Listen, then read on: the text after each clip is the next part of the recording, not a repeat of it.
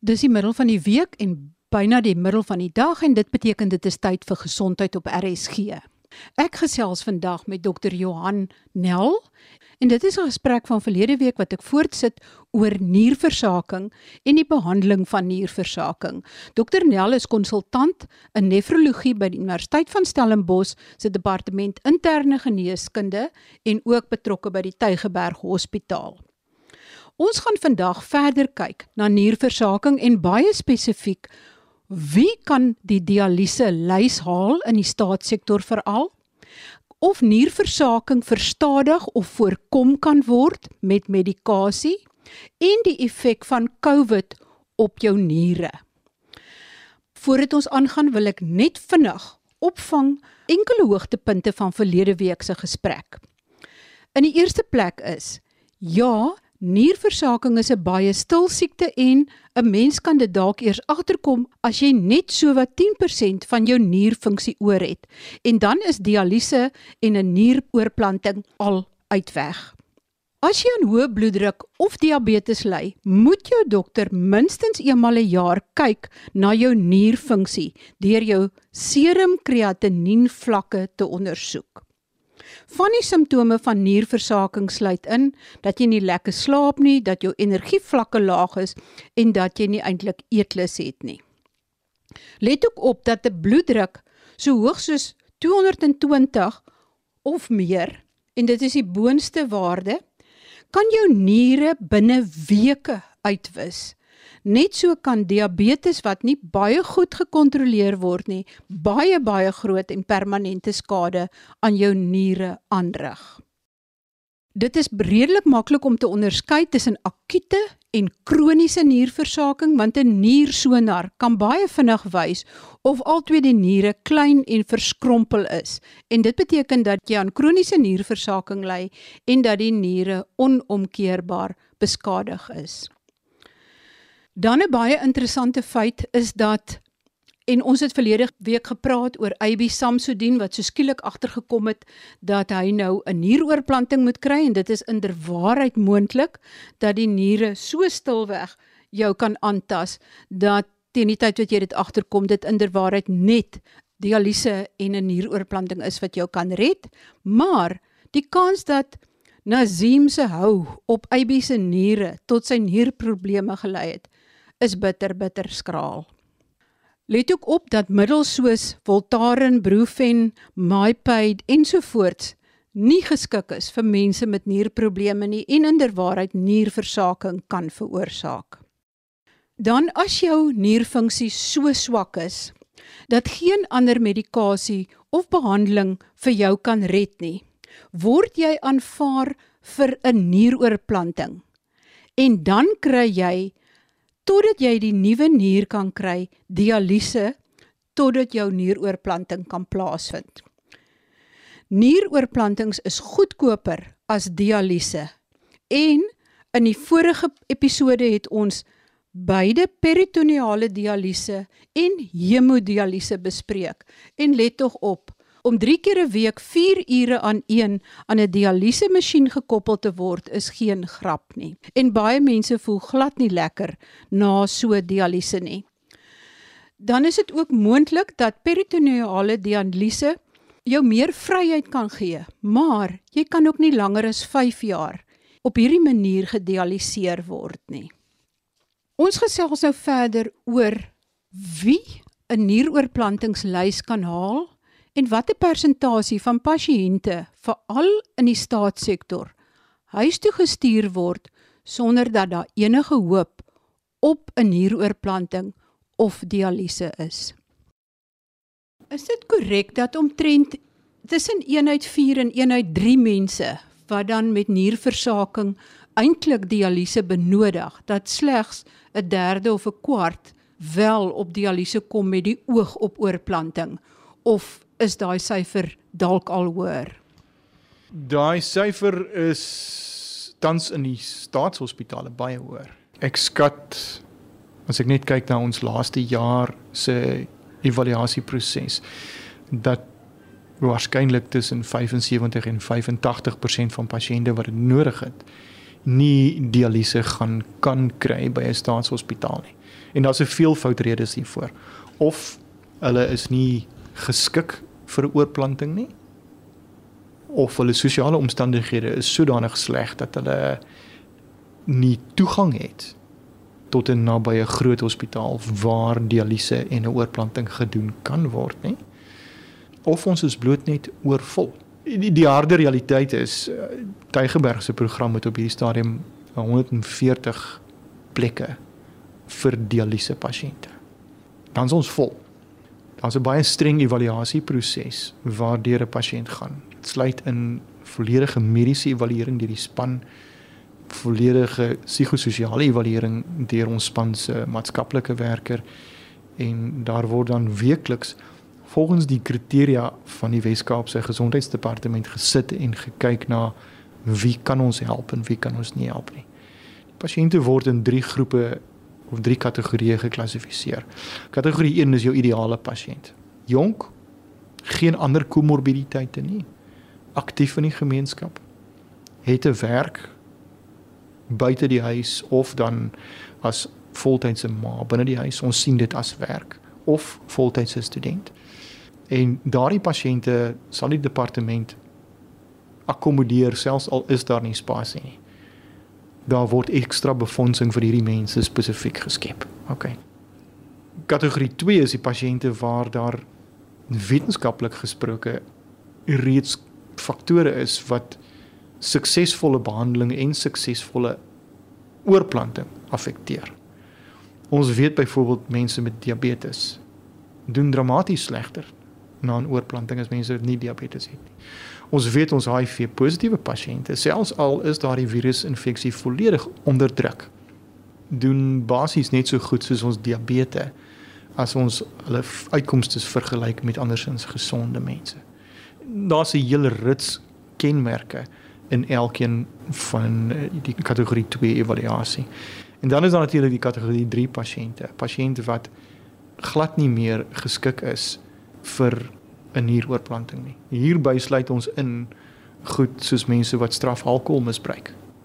As jy alkohol misbruik, is daar 'n substansiële kans dat jy jou medikasie gaan mis. As jy 'n dosis of 2 van jou oorplantingsmedikasie mis, gaan jy jou nier verloor. Mense wat habitueel nie instruksies nagekom het, afsprake bygewoon het, pille gaan afhaal het by hulle klinieke, hulle apteke, hulle daghospitale nie. Dis 'n groot dilemma. Ek kan nie vir so iemand 'n nieroorplanting aanbied waar die kans dramaties hoër is om die nier te verloor as 'n pasiënt wat streng by instruksies hou nie. Mense wat meer as 25 jaar al gerook het, En as ek praat van 25 jaar, dan bedoel ek 25 pakjare. Met ander woorde die ekwivalent van 'n pakkie sigarette per dag vir 25 jaar. As jy 3 pakkies 'n dag rook, is jy na 8 jaar al daar. Dit beteken net daar is sodanige longskade dat jou uitkomste in die toekoms dramaties slegter gaan wees as iemand wat nie gerook het nie. Pasiënte met aktiewe kankers byvoorbeeld. Ek dink baie van die publiek weet dit nie, maar daar is 'n paar dinge waaroor ons na oorplanting bekommerd is. En een van hulle is kanker.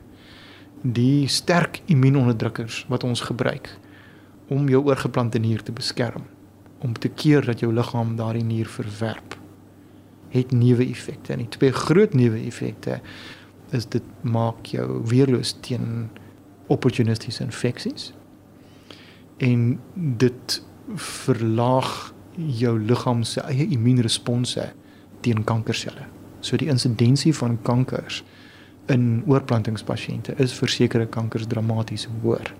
En as jy 'n aktiewe kanker het, as jy reeds 'n aktiewe kanker het, weet ons, as jy op hierdie medikasie gaan, gaan die kanker sy behandelingsprotokol ontsnap. Ek het onlangs met 'n internis gesels wat baie opgewonde is oor 'n nuwer generasie diabetesmiddel wat dan ook in 'n mate nierversaking kan vertraag in pasiënte met of sonder diabetes. O ja, die SGLT2 inhibitors. Dis seker maklik die mediese deurbraak van die huidige eeu sover dit my aangaan. Die middels is aanvanklik ontwikkel om beter diabetesbeheer tot gevolg te hê. En met die groot proewe is daar toe nou terloops uitgevind maar dit het 'n impak op uh, glomerulêre filtrasiespoed, op proteinurie, die vermindering van proteinurie en dat diabetes wat met hierdie middels behandel word, se nierfunksie dramaties stadiger agteruit gaan as pasiënte wat op alternatiewe is. Eh, nou die navorsing is in die laaste jaar aansienlik verder gevat en die middels word nou al vir nie diabetes ingespan. Dit word ingespan in pasiënte met hartsiektes waar die progressie van iskemiese hartsiekte beperk word. Dit word nou al ingespan vir sekere vorms van glomerulonefritis waar die, die beskikbare navorsing duidelike voordeel wys daarop om 'n uh, pasiënt op hierdie middels te sit selfs al is hulle nie diabetes nie. So dis iets waaroor ons geweldig opgewonde is. Dit maak impak, dit maak 'n verskil hoe die dokters in privaat praktyk mediese fondse gaan kry om vir baie van die meer esoteriese gebruik van hierdie middels te betaal is natuurlik 'n ander storie. Want fondse is maar al stadig. Jy kan nie net een stukkie navorsing neersit nie. Jy moet konsekwente herhaalde navorsing neersit wat duidelik wys dat finansiële uitgawes vertaal gaan word in dramatiese beter uitkomste met verminderde mediese uitgawes. Dis waar agter hulle is. Ek kan redelik met sekerheid sê dat die SGLT2 inhibitors 'n major impak gaan hê op uh, baie van my diabetes en my nie diabetes se behandeling vir niersiekte. Dit is dan baie goeie nuus. Nou wil ek uitkom by COVID en nierskade. Hoe rig COVID nierskade aan? Want ons het ook nou al gehoor dat uh COVID of die eintlik die SARS-CoV-2 die virus verskeie organe kan aantas en dat die niere een van dit is. Kan jy dalk verduidelik hoe dit gebeur? En ek uh, gesels spesifiek na aanleiding van iemand soos die akteur Liep Bester wat COVID opgedoen het en toe sê maar 'n maand later dood is aan nierversaking. Maar daar's 'n paar meganismes. Ek gaan met jou gesels oor verskillende kategorieë pasiënte. Kom ons praat eers oor die SARS-CoV virus en akute nierversaking. By verreweg die meerderheid van gevalle wat opgeteken is in artikels oor uitkomste en reviews oor syfers wêreldwyd in hospitale en ICU's is daar 'n duidelike verband. Die presiese insidensie weet ons nie van nie. My beste huidige guesstimate is dat ons sit met uh, ongeveer erns tussen 20 en 30% van pasiënte wat gehospitaliseer word kry 'n akute nierbesering. Dis so groot. Die proses hier agter is deels die van die sistemiese inflammatoriese respons en dan deels die liggaam se kompensatoriese meganismes. So die pasiënt ontwikkel sepsis. Hulle word hipotensief, hulle word hipoksies, hulle het nie genoeg suurstof nie, hulle word geskok, die bloeddruk val. So al daardie meganismes lei tot akute tubulêre nekrose. Soos met ander siektes wat sistemiese sepsis veroorsaak, wat lae bloeddruk veroorsaak, wat kardiogene skok veroorsaak. Daar's wel in 'n baie kleiner persentasie die konsep van 'n kollaberende glomerulopatie beskryf. Dis waar die virus self 'n direkte impak het op die glomeruli, die die filtergedeelte van daai nefroon, nie die buis nie. Waar dit daar die verskillende selle infiltreer en op 'n plaaslike meganisme immuunrespons en skade veroorsaak wat lei tot glomerulêre skade op die ou end. Maar dis die minderheid van gevalle. Baie van hierdie pasiënte herstel wel. En die herstel kan verbind word aan hoe straf die aanvanklike besering is.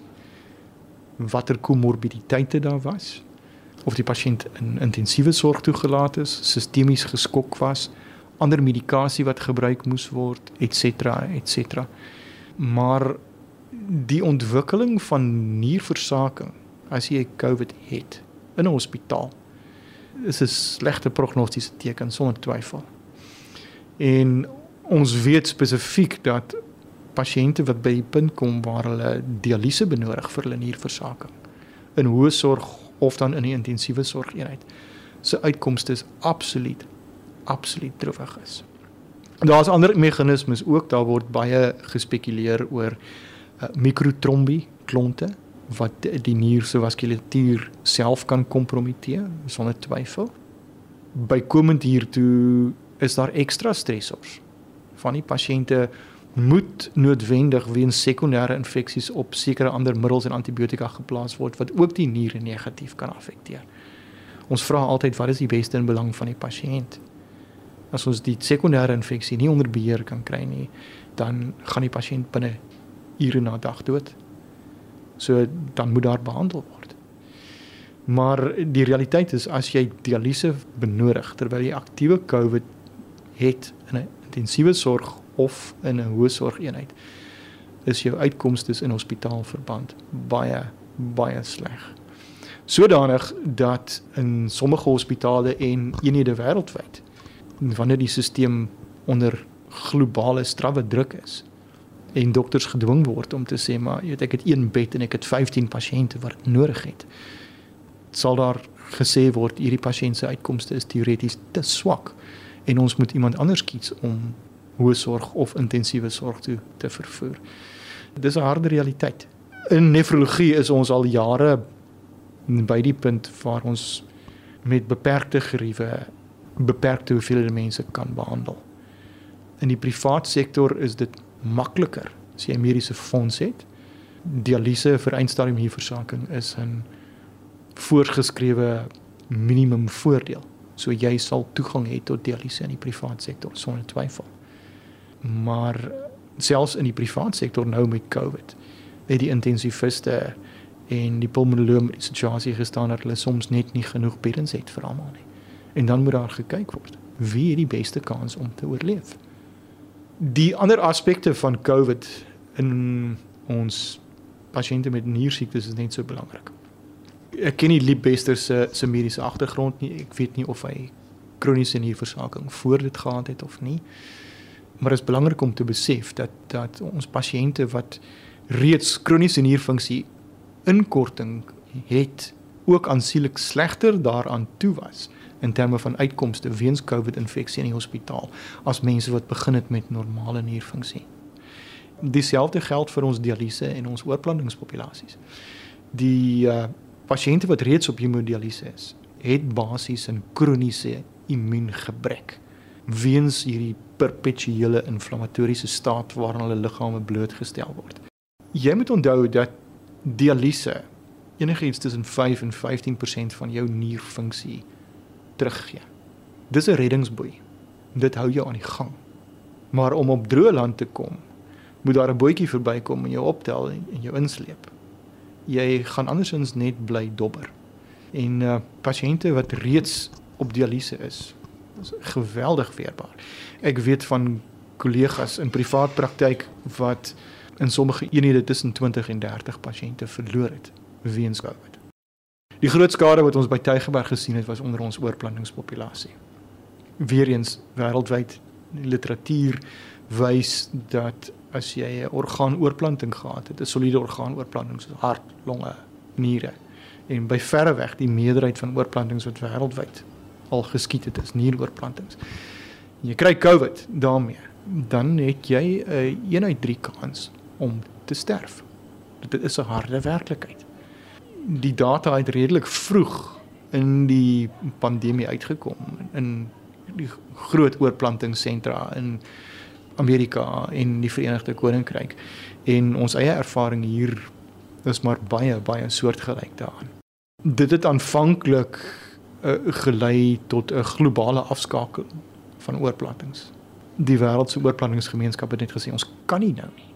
Ons gaan nie nou met oorplantings aan nie ons is daarom nou weer by 'n punt waar ons uh, begin het by die privaat sektor en groote skuur en ons uh, dit gaan stadig ons dring aan daarop dat skenkers en ontvangers volledig gevaksinneer moet wees vir beveiliging reeds voor hospitalisasie en voor ons dink daaraan om aan te gaan met oorplantings.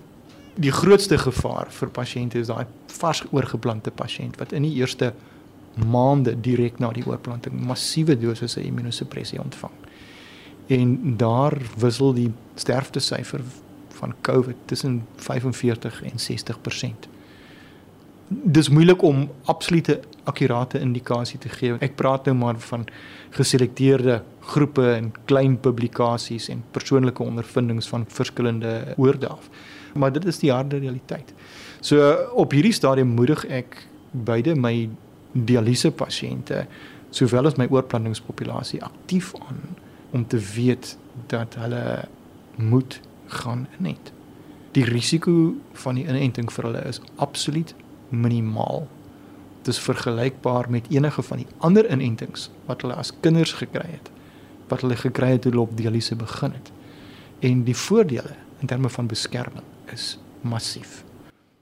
Dokter Nel, as jy 'n enkele boodskap moet gee aan die luisteraars wat nou luister na vandag se program, wat is daai boodskap wat jy graag wil hê hulle moet onthou? Ek dink die belangrikste ding is kyk na jou gesondheid. As jy oorgewig is, maak werk daarvan om tot op 'n goed aanvaarbare gewig af te kom. As jy hipertensie het, as jy diabetes het, maak seker jou siektetoestand is goed behandel, is deeglik onder beheer en die meerderheid van wat gedoen kan word is met 'n een eenvoudige tablet of twee en lewenstylveranderinge. Moenie rook nie. Ons weet ons mense met kroniese niersiektes wat rook, verloor hulle oorblywende nierfunksie teen dubbel die tempo van die wat nie rook nie. Wees versigtig met medikasie wat jy neem. As jy wel kroniese nierfunksie inkorting het, praat met jou apteker. Praat met wie ook al vir jou medikasie voorskryf en maak seker hulle is ingelig en hulle gaan vir jou goeie aanbevelings maak. Maak seker jy kry jou vaksines vroeg en voortydig want jy behoort aan 'n risikogroep. En as jy 'n lewenstyl siektes soos diabetes of hipertensie het, maak seker dat wie ook al na jou kyk, darm jaarliks 'n urine doopstokkie toets gaan doen om te sif vir proteïene in jou urine bloed in jou urine en op 'n gereelde basis minstens elke 2 tot 3 jaar bloed gaan trek om seker te maak jou nierfunksie is nog goed. Baie dankie aan Dr. Johan Nel, nefroloog verbonde aan die Universiteit van Stellenbosch Mediese Skool en ook by die Tygerberg Hospitaal. Besoek gerus RSG se webblad rsg.co.za om te luister na vandag se program en ook na verlede week se program waar al die ander interessante inligting oor peritoneale dialyse, hemodialyse ensovoorts is en hoe die niere werk. Tot volgende week dan. Wanneer ons weer oor gesondheidsake gesels, dan gesels ek oor 'n prosedure wat nou ook in Suid-Afrika gebruik word waar mans met 'n vergrote prostaat nie noodwendig meer 'n operasie hoef te ondergaan nie, maar dat die prostaat met die hulp van 'n stoomtegniek verklein kan word sodat die gewone blaasfunksie weer kan herstel. So manne, spit julle ore en luister gerus volgende week. Baie groete van my, Marie Hudson.